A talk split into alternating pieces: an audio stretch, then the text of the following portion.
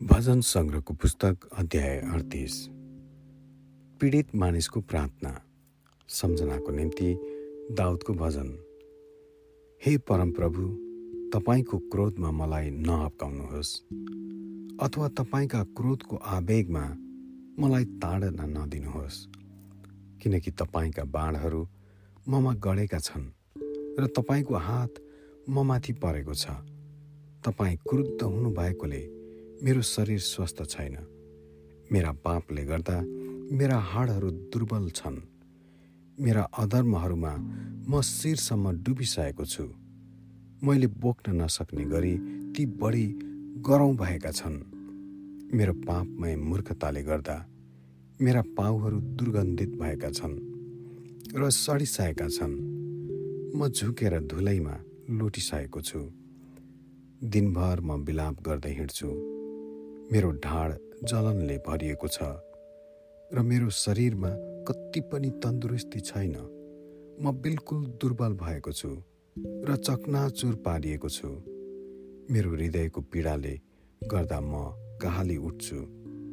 हे परमप्रभु मेरा सबै अभिलाषाहरू तपाईँलाई विदितै छन् र मेरो सुस्केरा तपाईँबाट लुकेको छैन। मेरो मुटु धड्कन छ। मेरो बलले भ्याउँदैन।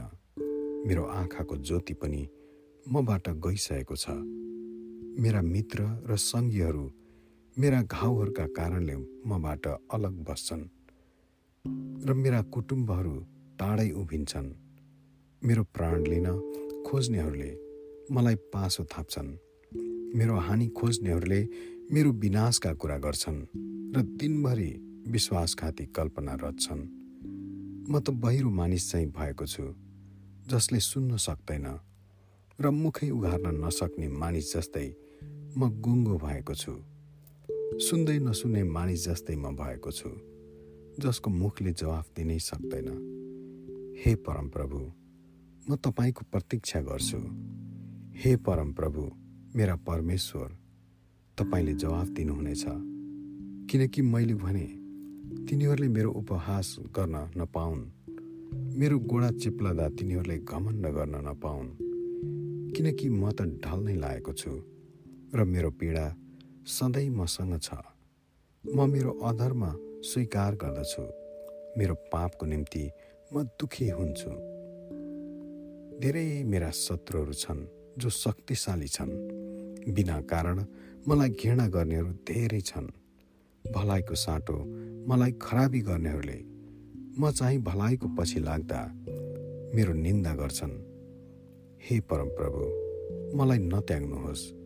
हे मेरा परमेश्वर मबाट टाढा नहुनुहोस्।